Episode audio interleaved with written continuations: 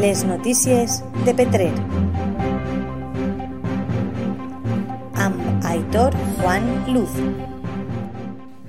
Com vam afirmar l'altre dia, un sanitari del centre de salut Petrer 1 va rebre una agressió i ara la candidata de Vox que va amenaçar un professor a l'Institut Asorín justifica l'agressió d'aquest infermer.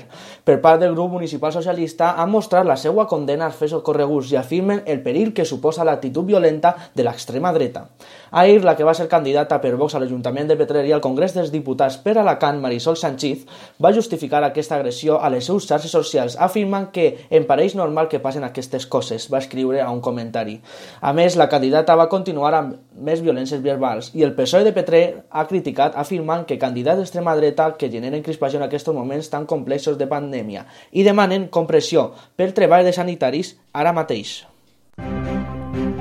Les notícies de Petrer. Amb Aitor Juan Luz.